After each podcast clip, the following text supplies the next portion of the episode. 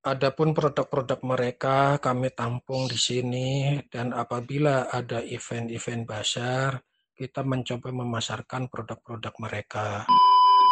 Saya pengen menunjukkan ke teman-teman lain uh, bahwa bahwa kita bisa loh, walaupun kita berbeda, kita bisa memberikan kesempatan kepada teman-teman uh, sehingga uh, nantinya ya memang benar-benar mau uh, belajar punya keinginan belajar dan memang mempunyai apa ya uh, semangat ya, siap menjadi wirausaha nanti insya Allah uh, akan kita carikan juga uh, agar teman-teman bisa berwirausaha mandiri.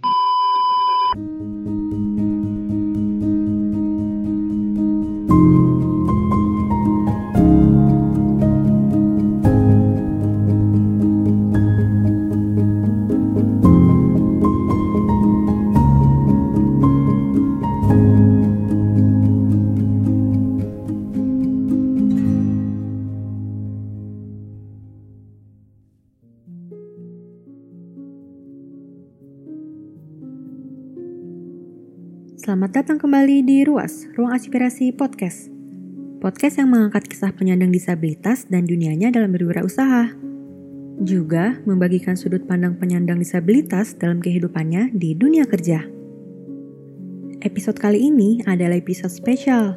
Setelah di episode-episode sebelumnya, kita mendengarkan kisah hidup dari masing-masing disabilitas, bagaimana mereka berjuang bangkit dari keterpurukan, juga dari diskriminasi sosial yang dilakukan masyarakat. Kali ini kita akan mendengarkan kisah para disabilitas bahu-membahu saling membantu satu sama lain. Ini adalah episode yang mengisahkan para disabilitas berusaha survive bersama. Dan kisahnya pun tidak kalah menarik. Pak Syamsi misalnya. Kita tahu Pak Syamsi adalah seorang disabilitas yang memiliki usaha kerajinan tangan. Dia pun sering menjajakan produknya di event-event bazar. Namun sebenarnya bukan produknya saja yang dipasarkan di bazar tersebut. Saya memasarkan produk-produk teman-teman disabilitas dari berbagai daerah, antara lain Jawa Tengah, Jawa Barat, Bali, serta daerah Jakarta. Adapun produk-produk mereka kami tampung di sini dan apabila ada event-event bazar, kita mencoba memasarkan produk-produk mereka karena saya juga tahu karena di berbagai daerah mungkin lebih sulit dibandingkan kita yang berada di Jakarta untuk memasarkan produk-produk tersebut. Ada banyak jenis kerajinan yang ditampung Pak Syamsi. Dari Jawa Tengah, ada kerajinan boneka flanel berupa gantungan kunci. Kemudian ada tempelan kulkas, tempat pensil, dan bando. Ada juga dari Bali yang berupa boneka rajut. Sedangkan kerajinan dari Jawa Barat berupa boneka batik, tas, dan lain-lain. Pak Syamsi mengerti bisa membuat suatu produk bukan berarti bisa menjualnya. Alasan inilah yang membuat Pak Syamsi bergerak memasarkan produk-produk sesama disabilitas. Ya, karena saya sendiri juga penyandang disabilitas.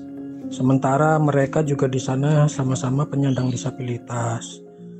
Apabila kita tidak peduli dengan mereka, siapa lagi? Sementara mereka juga membutuhkan pemasaran. Kebetulan kita berteman di media sosial, itulah baiknya kita saling mengenal dan saling membantu. Selain Pak Syamsi, Randy juga punya semangat yang sama, yakni membantu sesama disabilitas mendapatkan penghasilan. Brand Kitorato miliknya pun dia buka bagi disabilitas yang ingin berbisnis jualan kopi. Dan Rahmat merasakan betul bantuan Randy. Karena di Ketorato, dia bisa belajar banyak hal. Kalau yang dipelajari saat pertama kali gabung di Kitorato ini, karena Kitorato bergerak di bidang kopi, yang pasti dan yang harus yaitu uh, uh, memperdalam ilmu kopi ya.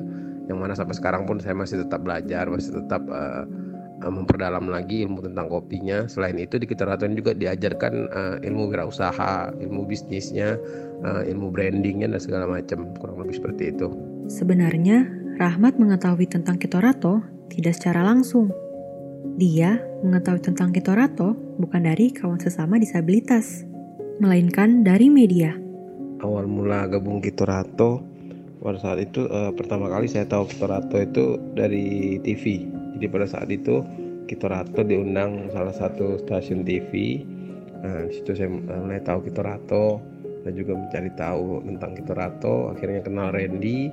Uh, di awal komunikasi dengan Randy melalui DM setelah itu lanjut ke WhatsApp. Dan akhirnya Randy memberitahu pada saat itu ada kesempatan untuk saya bisa bergabung.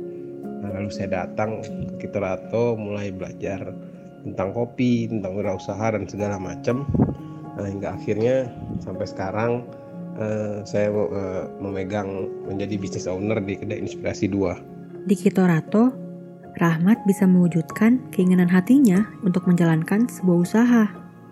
Dia pun tidak menyia-nyiakan kesempatan itu dan berpikir tidak punya alasan untuk menolak saat tawaran dari Randy itu datang.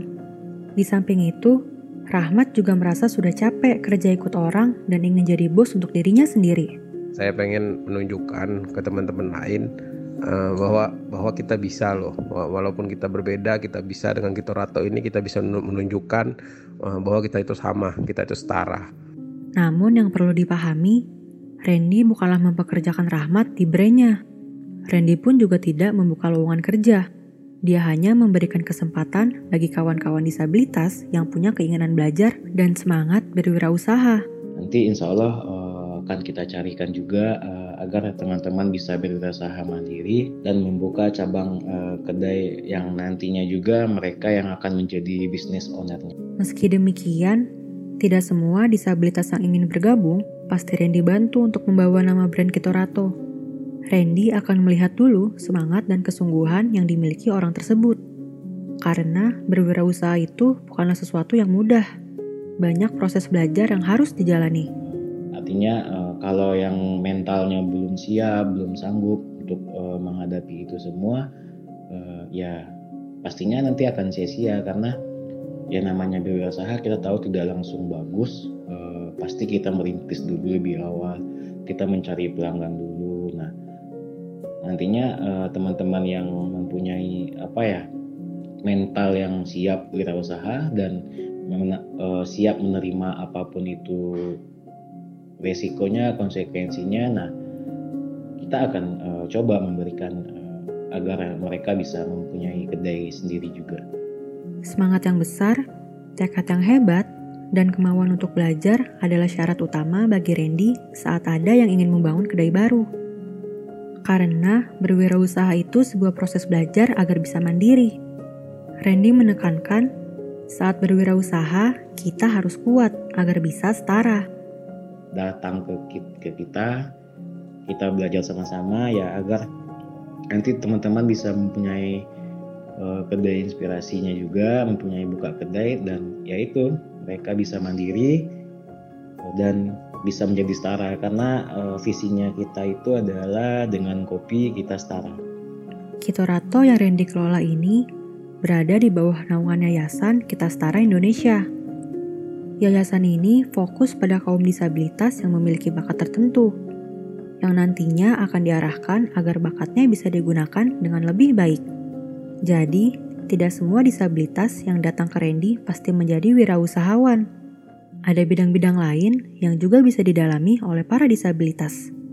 Kita melihat bakat nih, kita melihat bakat teman-teman itu seperti apa, kemauannya itu ke mana gitu, potensinya itu apa, yang ada di dalam diri mereka sehingga kita melihat kita mengasesmen nanti mereka arahnya ke mana gitu.